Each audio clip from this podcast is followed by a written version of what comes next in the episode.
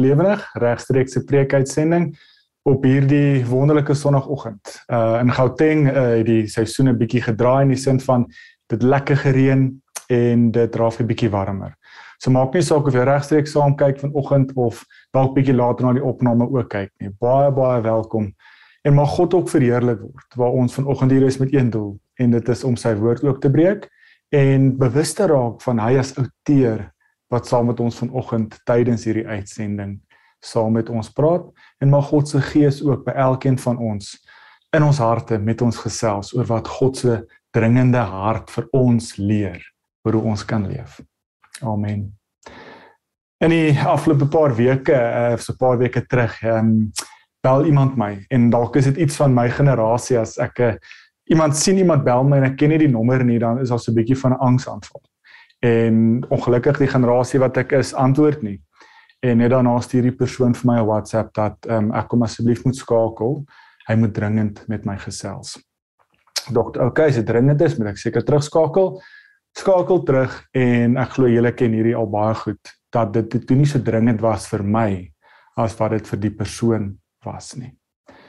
Nou die rede hoekom ek met dit begin is, ek dink in vandag se tyd uh raak die woord dringendheid dit het so deel geraak van ons woordeskat want ons baas sê hier's 'n dringende projek wat afhandel moet word.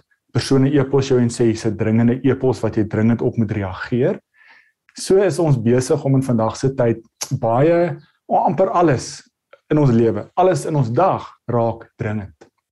Maar die probleem is dat soos hierdie persoon wat gedink het ek moet dringend met hom gesels dat die wat vir 'n ander persoon dringend is is nie noodwendig vir ons dringend nie. En ek weet nie van julle nie, maar kom agter dat omdat daar so miskommunikasie is tussen wat vir wie wie bepaal of dringend is of nie, dat ons dit eerder omskep of ons ruil dringendheid in vir 'n gejaagdheid. Dink julle sal saamstem dat in vandag se tyd is ons eintlik maar 'n gejaagde lewe.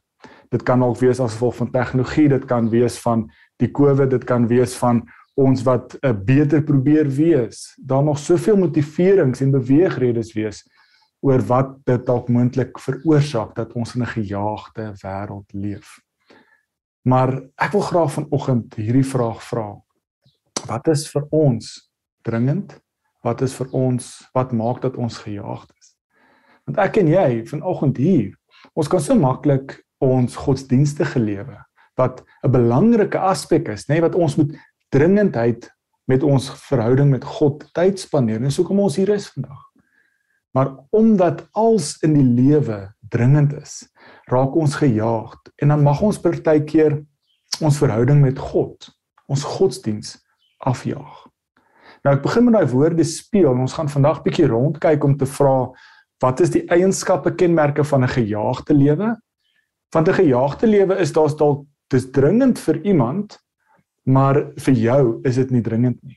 So jy rammel dit af. So dit gaan eerder vir jou oor is dit afgehandel vir 'n spesifieke tydperk, want anders gaan die persoon moeilikheid veroorsaak. Maar is dit 'n dringendheid nie dalk eerder iets van dis 'n diep gewortelde ek ek koop in in hierdie. Ek wil graag die beste produk tyd aanbieding veroorsaak of, of help ja, doen. So dit gaan uit oor koop ek in in dit wat ek doen. Dan is daar 'n dringendheid om te sê dit gaan impak lewer, 'n impak maak. Nou, ek wil nie vanoggend enigstens gesels oor ons werk en of ons gejaagd of dringend moet wees nie. Maar ek en jy, ons vanoggend hier, ons kies vir 'n lewe, 'n lewenstyl agter God aan. Ons kies elke oggend om ons lewe Godwaarts te heroriënteer.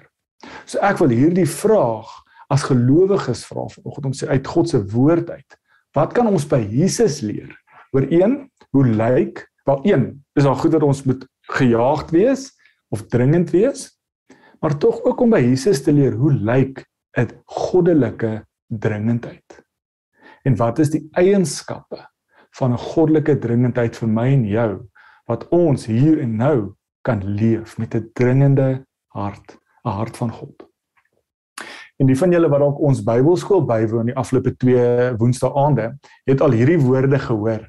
En as jy dalk dit nie gekyk het nie, asseblief, jy kan inskakel op ons webtuiste, die opnames is daar.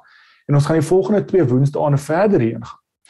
Ehm um, en wat ons bespreek het is ons gaan deur 'n reis deur Lukas en ek wil vanoggend ook bietjie stil staan by Lukas. En die idee of die rede hoekom is dat Lukas die evangelie is wat regtig waar vir ons die goddelike dringendheid, die dringende hart van Jesus kommunikeer.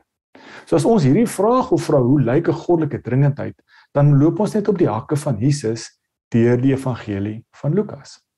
En reg aan die begin in Lukas 2 vers 49 gaan dit nie lees nie, maar kom ons al reeds vir die eerste keer agter hoe Jesus as kind al reeds hierdie goddelike hart het, hierdie dringende hart het, hierdie ja, hierdie goddelike roeping.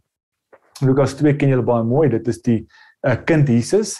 Ehm um, die Jesus saam met sy ouers gaan terug of gaan Jerusalem toe vir die vir die Paasfees soos wat hulle gewoonte was en hulle reis terug na Nasaret toe. En so 'n paar dae later kom Maria hulle agter hoorie maar maar waar is Jesus?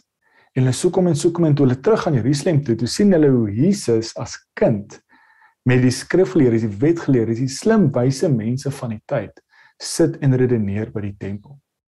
En toe Maria en Josef met hom praat, toe sy half so die kind Jesus so ontstel, sy sê: "Maar hoekom is julle so ontstel?"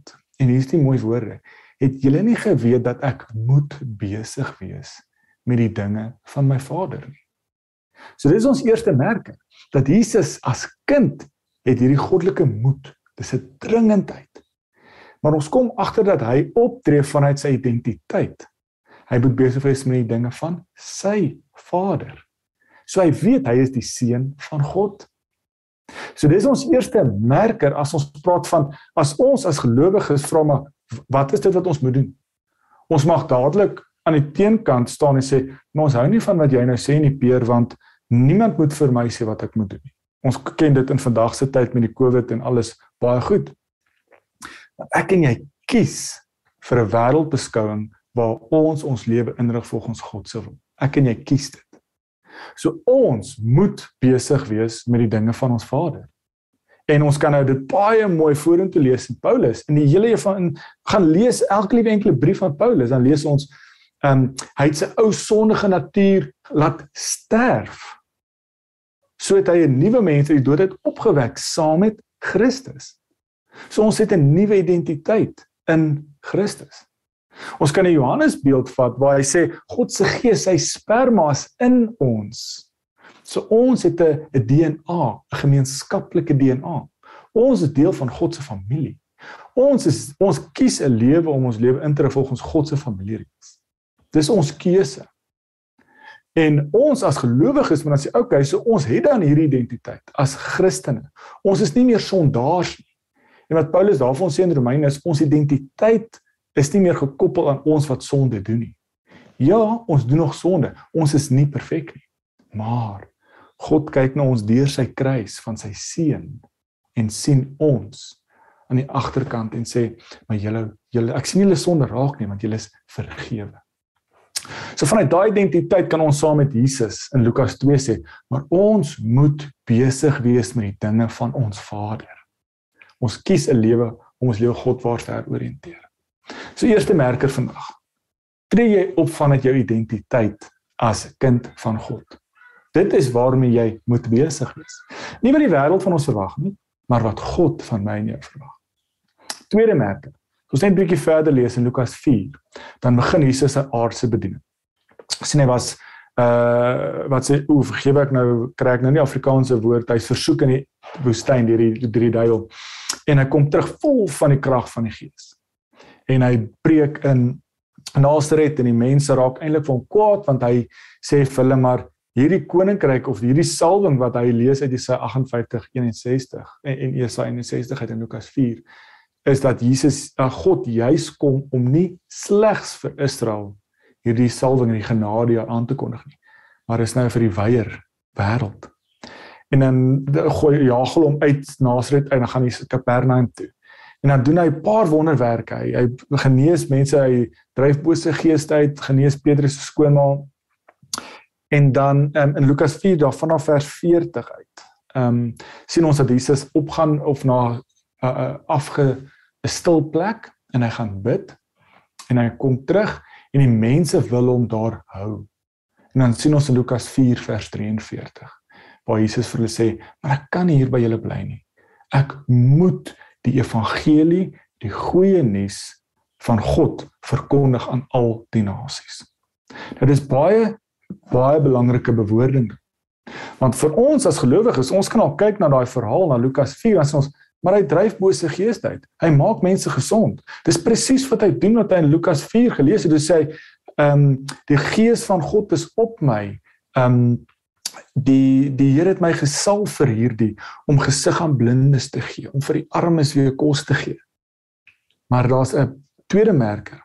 As jy diep bewus is, as jou identiteit diep gegrond is in God en as jy optree vanuit daai identiteit, dan is daar baie fyn inligting, detail wat vir God se roeping belangrik is. En dis wat Jesus hier vir ons leer. Ons kan 'n hele preekie op doen. Maar hy kan nie, hy kom nie om die koninkryk van God te verkondig nie. Die detail is aan al die nasies. Hy kom nie slegs vir Israel nie. Hy kom vir die armes, vir die krepeles, vir die mense wat die samelewing miskyk, vir die uit die spoor van die samelewing uit die onbelangrik is. Dit is hierdie fyn diep roeping wat God Jesus voorgestuur het. So dis 'n tweede merk. Ons is dan 'n deel van die koninkryk van God. Ons is deel van God se familie en ons tree op vanuit ons identiteit in God. 2 moet ons dan nie ook deel wees van hierdie roeping om ons om die koninkryk van God te verkondig nie. Dis waarmee ons moet besig wees. En dan sien ons in die res van die evangelie, ehm um, vanaf eintlik van Lukas 9 af, dan sien ons hoe hier Jesus optree vanuit hierdie dringende goddelike dringendheid op sy hart. Wanneer die res van die evangelie sien ons hoe Jesus doelgerig en dis nou die verskil, nie gejaagd nie, doelgerig reis om die koninkryk van God te verkondig. Elke liewe enkele optrede wat hy doen is om die koninkryk van God te verkondig. Maar dan in Lukas 9 vanaf vers 22, dan sien ons eintlik vanaf vers 18 Lukas 9 vers 18 waar Petrus bely wie Jesus is. Jesus vra vir hulle, wie sien die mense is ek? Dan sê hulle party sê hy's Elia, party Johannes die Doper, ander sê hy's 'n profeet van ouds wat uit die dood uit opgewek is. En dan sê Jesus, maar wie sê julle my disippels is ek? Dan bely Petrus, U is die Christus. U is die gesalfde. Net daarna kom daar 'n derde moed, 'n goddelike dringendheid wat Jesus kommunikeer. Dan sê hy ek moet ly, oorgelewer word, sterf en die dood het opgewek word. So ons sien nou nie wat Jesus kom doen nie, die koninkryk van God verkondig nie, maar nou sien ons ook ook hoe hy dit gaan doen. Hy moet sterf. Jesus begin al in Lukas 9 en weet hoe sy eindbestemming lyk. Jesus loop vanaf hoofstuk 9 in Lukas met hierdie goddelike druk dringend uit in sy hart om te sê al manier hoe my roeping vervul gaan word. Al manier hoe ek die koninkryk van God kan verkondig, gaan laat kom is deur te sterf. Dit is hoe 'n goddelike roeping jou hele lewe bepaal. Dit het Jesus hele lewe bepaal. Want hy sê hy's gestuur daarvoor. Hy weet hy het een missie. Hy moet sterf. Want deur te sterf bring hy die koninkryk van God vir al die nasies. En dan vanaf hoofstuk 9, vanaf vers 51, loop Jesus, reis Jesus vanaf Kapernaum Galilea se aardse omgewing in 'n uh, bediening in Galilea na Jerusalem toe. En reg deur hierdie reis sien ons so heeltyd ons as lesers herinner om te sê maar ek moet gaan sterf in Jerusalem. So uit eindbestemming. En dis vir my nie as gelowiges baie belangrik want net na hy hierdie hierdie goddelike dringendheid verkondig van hy moet ly en sterf en oorgewer word, dan sê hy, maar die van julle wat my wil volg, met sy kruis optel en agter my aanloop. Nou kom is dit belangrik. Want ek en jy sê ons is gelowiges, ons is disippels. Ons bely ons tel elke dag ons kruis op en volg Christus. Maar nou sien ons in Lukas 9 1 dat Jesus optree vanuit hierdie goddelike dringendheid uit. Maar ons sien ook hoe die eindbestemming lyk. Dit lyk nie goed nie. Stefan sê altyd it's a day is a dead man walk. Ek en jy, we are dead people walk. Elke oomblik van elke dag weet ons ons aardse eindbestemming is nie belangrik nie. Maar dis hoe ons in die hier en die nou die kruis optel en loop en die koninkryk verkondig in die hier en die nou wat ons 'n hemelse eindbestemming het. En hoor my mooi, ek sê nie ons optrede bepaal waar ons beland nie. Nee. Maar ek en jy het 'n nuwe identiteit. Eerste merker. En dit is om tweedens die koninkryk van God te verkondig. 3. Dit gaan nie maklik wees nie. Want ons is soos Jesus geroep om ons kruis op te tel, elke dag te loop. So al gaan ons teen die populêre kultuur, populêre siening in van die wêreld, dan's dit deel van ons roeping. Want vir my en jou gaan dit oor die koninkryk van God te verkondig. Dis al. En nou sien ons die volgende paar merkers oor hoe lyk dit? Hoe lyk dit as Jesus dit vir ons doen? En dit is baie interessant as jy gaan lees Lukas 9:51 tot Lukas 9:10, dan reis Jesus so uit hierdie dringende goddelike dringendheid in sy hart en hy reis nou die eindbestemming toe om sy roeping te voltooi. Net soos as jy al oor die films gekyk of die boeke gelees het van Lord, Lord of the Rings, verskriklike mooi boekreeks en filmreeks waar hierdie God hulle die roeping in hulle harte in hulle lewe, hulle kies om te sê ons moet hierdie ring gaan in Mordor gaan gooi in in die moet gaan verwoes. So staan ek en jy op elke dag en sê maar ons moet die koninkryk van God verkondig. So nou laat ons saam kan stem dat dit is ons goddelike roeping. Nou vra ons maar hoe lyk dit? En as ons in Lukas kyk, dan sien ons Jesus loop amper van een ete na ander ete toe. Ons sien byvoorbeeld in Lukas 10 vers 38 waar hy met saam met Martha en Maria eet. Lukas 11 is dit 31 37 waar hy saam met fariseërs eet. Lukas 14 vers 1 eet hy weer saam met fariseërs. Dit is so erg dat in Lukas 15 vers 1 word die mense wat saam met Jesus loop karakteriseer Jesus en sê maar Jesus eet net en drink net saam met sondaars en tollenaars. Dit is hoe baie Jesus eet dat die mense al Jesus label om te sê hy eet saam met sondaars en tollenaars. So as ons dan vra maar hoe kon hoe brei ons hoe laat ons God se koninkryk 'n realiteit word om ons. Dan sien ons Jesus kies nie om slegs saam met godsdienstiges te eet nie. Ja, hy eet saam met die fariseërs. Maar in die evangelie is dit eintlik interessant dat dit is die mense wat hom oorlewer, die skrifleerders, die wetgeleerdes. So hy eet saam met sy opponente. Jy kan eintlik sê sy vyande. Maar hy breek brood saam met hulle en so leer hy hulle ook oor hoe hierdie koninkryk van God lyk. So gaan hy uit sy pad uit en hy praat met Samaritane. En dan in Lukas 19 of eintlik 18 vergewe my. Is daar en amper wil ek sien 'n paar verse hierdie kulminering van hoe Jesus hierdie koninkryk van God uitbrei. En ons sien dit as ons in vers 15 van Lukas 18 eerste stil staan dan lees ek vir ons die mense het ook kindertjies na Jesus toe gebring. Nou onthou nou, Jesus is op pad met hierdie goddelike dringendheid, nê? Nee? So dis nou die verskil. Hy's nie gejaag op pad na sy eindbestemming toe nie, maar hy het 'n dringendheid. Hy weet hoe sy eindbestemming lyk. Ehm um, die mense het kindertjies na Jesus toe gebring dat hy hulle ook met aanraak. Toe die disippels dit sien, het hulle met die mense daaroor geraas. So hierdie is vir my 'n baie goeie onderskeid tussen hoe gejaagdheid lyk en dringendheid.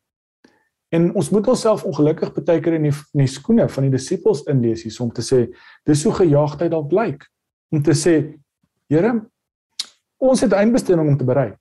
Ons kan nie tyd mors hier nou met kindertjies nie. Ons moet by die eindbestemming kom, nê? So dis 'n gejaagdheid. Dit gaan nie oor die diepte, die kwaliteit nie. Maar dit gaan oor om dit af te merk om te sê ons moet by die eindbestemming kom. So ons is gejaag, ons rammel dit amper af. Maar Jesus wat diep vanuit sy identiteit optree, diep vanuit daai in daai detail van Lukas 4 optree om te sê hy moet dit verkondig aan al die nasies. Dan sê Jesus verder: Maar Jesus het die kindertjies nader geroep en gesê: "Laat die kindertjies na my toe kom en moet hulle nie verhinder nie. Moet hulle nie verhinder nie. Want die koninkryk van God is juis vir mense soos hulle." So hier sien ons dat in wêreldse oë is die disippels reg om te sê, Here, kindertjies, hulle moenie gesien of gehoor word in die antieke tyd nie. So hulle is nie belangrik in die oë van die wêreld nie. In ons tyd vandag moet kinders dalk ek was geleer, jy moet gesien word maar nie gehoor word nie. Maar in die antieke tyd was kinders heeltemal jy mag hulle nie sien nie. So hulle is amper die onbelangrikste. Dis hoekom Jesus saam met Martha en Maria eet. Vroue, onbelangrik in die oë van die samelewing. En as jy terug by Lukas 4, dis wat Jesus gekom het. Hy het gekom vir die onbelangrikes. Hy het nie gekom vir die hoofseuns nie. Hy het nie gekom vir die A-span in die godsdienstige span nie. Jesus kom juis vir die mense wat die samelewing uitgestoot het. Jesus kom juis en gee vir die blindes wat uitgestoot word omdat hulle onrein is. Jesus staan juis op vir die waarvoor niemand wil opstaan. Jesus sterf juis vir die eintlik vir almal. So sien ons een, dit is die verskil, nê, nee, om te sê die koninkryk gaan nie oor wêreldse oë iets wat's belangrik nie. Dit is 'n gejaagdheidsperspektief om te sê, "Maar wat's belangrik? Okay, kom ons tik dit net af." Maar hierdie goddelike dringendheid is om regtig voor te besef hoe lyk hierdie koninkryk van God. Kindertjies, vrouens, mense in ons samelewing wat die samelewing uitstoot, wat niemand voorop staan nie. Dis juis ons wat vir hulle moet opstaan as ons God se koninkryk wil laat realiseer in hier en nou. En net in aan vers 18 van Lukas 18 sien ons eintlik 'n baie mooi teenpool. Ons sien hier 'n man van aansien, sien julle na die kontras nê, in die samelewing se oë is hy belangrik. Hy het na Jesus gekom en die vraag gestel: "Goeie leermeester, wat moet ek doen om die ewige lewe te verkry?" En Jesus het geantwoord: "Waarom noem jy my goed? Niemand is goed nie behalwe God alleen. Jy ken die gebooie. Jy mag nie egbreek pleeg nie, jy mag nie moord pleeg nie, jy mag nie steel nie, jy mag nie vals getuienis gee nie. Eer jou vader en jou moeder. Opsomming van die wet. Maar die hierdie ryk man antwoord: "Maar al hierdie dinge het ek van my kinderdae af onderhou." Toe sê toe Jesus dit hoor sê vir hom: "Een ding kom jy dan nog kort. Gaan verkoop alles wat jy het en deel die geld aan die armes uit, dan sal jy skat in die hemel hê. Kom dan terug en volg my." toe hy dit hoor, hoor hierdie is so mooi. Hy was diep teleurgesteld want hy was baie ryk. En dit is vir ons belangrik want ons kom agter dat hierdie persoon, hoekom is hy diep teleurgesteld? Kom ons koppel dit aan Lukas 4. Jesus wat optree vanuit sy identiteit. Lukas 2 as kind besef hy waarmee hy moet besig wees. Hierdie ryk man is teleurgestel want hy besef as ek my rykdom weggee, wat wat wat dis my identiteit. Wat is hoe gaan mense my dan nog herken? So dis alvas of hierdie persoon vashou aan sy aardse identiteit wat in rykdom opgesluit is. Dis om die moeilikste ding om weg te gee. Hy sal alles anders doen, gejaagd deur die lewe, laat hy net aftik dat hy die ewige lewe kry. Maar dan sê Jesus hom nee nee nee nee. As jy jou lewe Godwaarts wil heroriënteer, een ruil jou aardse identiteit in vir 'n goddelike identiteit. En jou rykdom is jou aardse identiteit. Die dag as jy kan afstand doen van jou aardse identiteit, rykdom, dit wat jou vashou om jou verhoed om 'n volledig goddelike identiteit te leef. Dit is wat ingeruil word. Want in God se oë gaan dit oor 'n goddelike identiteit. Dit gaan oor op die koninkryk van God te verkondig in die hier en die nou. En die teenpool van dit Lukas help ons in Lukas 19. Dan is dit eintlik hierdie perfekte samesmelting. Hy gebruik 'n teenpool, 'n kontrasverhaal in Lukas 19 vanaf vers 1. Jesus het in Jerigo gekom, nê, nog steeds op pad Jerusalem toe, hierdie dringende roeping binne in sy lewe. En hy is in Jerigo net voor Jerusalem. En hy was op die pad deur die stad. Daar was 'n man met die naam Saggeus, 'n hooftollenaar, 'n ryk man. Hy het probeer om Jesus te sien, maar weens die skare kon hy nie omdat hy te kort was. Hy hardloop toe vooruit en klim in 'n wilde vyeboom en Jesus om Jesus te kan sien, want hy sou daar verbygaan. Toe Jesus by die plek kom, kyk hy op en hy sê vir Saggeus: "Kom gou af, want ek moet vandag in jou huis tuis gaan." Hy het toe geaf geklim en Jesus met blydskap ontvang. Maar wat dit gesien het, het beswaar gemaak en gesê hy gaan by 'n sondige man tuis. Maar sy gees het opgestaan en vir die Here gesê: "Here, ek gaan die helfte van my goed vir die armes gee en waar ek iets van iemand afgepers het, gee ek dit vierdubbel terug." Daarop sê Jesus: "Vandag het daar redding vir hierdie huis gekom. Ook hierdie man is 'n kind van Abraham. Die seun van die mens het immers gekom om te soek en te red wat verlore is. amper hierdie perfekte opsomming, samesmelting van waarmee ons besig is vandag. Dat Jesus is met 'n goddelike dringendheid word hy getrek Jerusalem toe om sy roeping te voltooi om te sterf. Maar dan sal hy altyd stop want hy moet tuis gaan by 'n sondaar. Hy moet tuis gaan by iemand wat nog nie deel is van God se koninkryk nie. So dis die verskil tussen gejaagdheid om net by die eindbestemming te kom, maar om vanuit 'n goddelike dringendheid op te tree is mense altyd God se agenda. Mense is altyd eerste prioriteit in plaas van take wat afgetik word. En dan gaan Jesus tuis by hierdie sondaar. En die samelewing is wat hy sê, Hoorie maar die samelewing se oë, jy gaan nou tuis by 'n sondaar, jy mag nie. Dit is hoe die koninkryk van God lyk om te eet saam met mense. Om dis half asom vir jy brood breek en dit is hierdie heel eenvoudigste behoefte wat ons as mense doen om te eet, om te besef God is teenwoordig saam met ons. Daar's 'n rede hoekom die kerk, Nuwe Testament kerk ingelyf is deur die nagmaal, deur 'n feesmaal, deur brood te breek.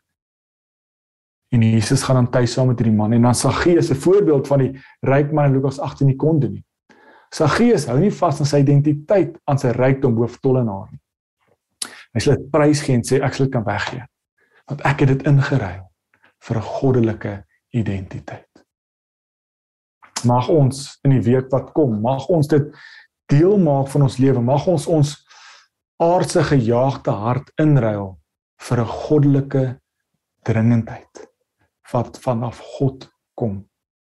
God plaas hierdie roeping in my en jou lewe want ons kies om te op te tree vanuit ons identiteit in God in Christus. Mag ons dat die gees van God ons oopmaak laat ons besef wat is dit wat ons terughou ons aardse identiteit wat ons terughou om volledig te leef soos wat God van my en jou verwag. Mag ons vanuit die identiteit optree en om elke hoek en draai 'n lewe van 'n goddelike dringendheid leef. Om die koninkryk van God te verkondig in die hier en die nou. Kom ons bid saam. Here, dankie vir die liefde, dankie vir Sjoe, Here, jy is so lief, so goed vir ons dat U seun gestuur het om vir ons as sondaars te kom sterf. Here, ons verdien dit nie. Maar help ons ook om te besef dat ons dit het en al verdien ons dit nie, gee dit vir ons want U is goed en U is genadig. Here, laat ons vanuit daai identiteit optree. Laat dit diep wortel skiet in ons lewe om 'n lewe te leef wat vir U van wat wat, wat U na neer kyk en sê dit is goed my getroue dienaar. Dit is goed my getroue kind. Here mag ons bewus raak van dit wat ons terughou in die lewe, ons aardse identiteite. Mag ons dit verruil vir 'n goddelike identiteit. Dis gratis. Ons het dit klaar gekry. Help ons dan ook om nie 'n gejaagde lewe te leef nie, maar ook so met 'n dringendheid, met 'n spesifieke roeping wat U in ons harte geplaas het. Om saam met mense brood te breek, om saam met mense tyd te spandeer. Om nie met wêreldse oë na die samelewing te kyk en slegs met die belangrike of die godsdienstiges uit te hang nie. Maar om juis met die mense uit te hang saam met wie U ons verlosser sou uithang. Ja, ons vra dit natuurlik nie omdat ons dit verdien nie. Ons mag dit net vir ons kan dit net vra omdat U ons nuwe mense gemaak het om U vir ons aan 'n kruis gesterf het omdat U ons verlosser is. Vra dit in U groot en heilige naam alleen. Amen. Baie baie dankie dat jy ingeskakel het vanoggend. So nooi ons jou ook uit. Eerskomende Woensdag aand om 7uur reis ons verder met hierdie Lukas Bybelskool. Ook so Sondag Ehm um, Vrydagoggende vergewe my, reis ons nog steeds verder deur die Lukas Bybel, ag, Psalm Bybelreis, vergewe Lukas in die kop. En ook so eerskomende Donderdag, 4 November, daar's nog enkele spasies beskikbaar vir ons gratis learning community leergemeenskap waar ons 'n uh, bietjie saam met onder andere na kyk na Louis Giglio gaan met ons gesels, Stefan, Letty Boegner en Nelis Jansen van Rensburg. Ons gaan juist kyk oor hierdie lewe van integriteit, 'n een lewe van integriteit wat Christus vir ons gee. Hoe lyk so lewe? Jy kan gratis registreer op ons webtuiste www.ekerk.org. Regs bo staan 'n learning community. Klik net op dit, dan sien jy die die die mooi prentjie van dit. Klik op dit, kan gratis registreer. Ongelukkig kan ons jou nie registreer nie. Volgens die Popia wet en al daai moet jy dit ongelukkig self doen. Uh so sien ons julle dan ook volgende week Sondag waar ons verder reis met ons preke. lekker week vir jou. Totsiens. Ekerk se hardloop is om Jesus sigbaar, voelbaar en verstaanbaar te maak. Ons wil jou graag uitnooi om ook by Ekerk finansiëel betrokke te raak. Ekerk se noodprogramme is in hierdie tyd van corona volspoed aan die gang. Jou geldelike bydrae maak dat ons meer vrygewig kan wees. Jy kan 'n bydrae maak deur middel van SnapScan, Zapper of EFT met die bankbesonderhede wat op die skerm verskyn. Hierdie inligting is ook by www.ekerk.org beskikbaar. you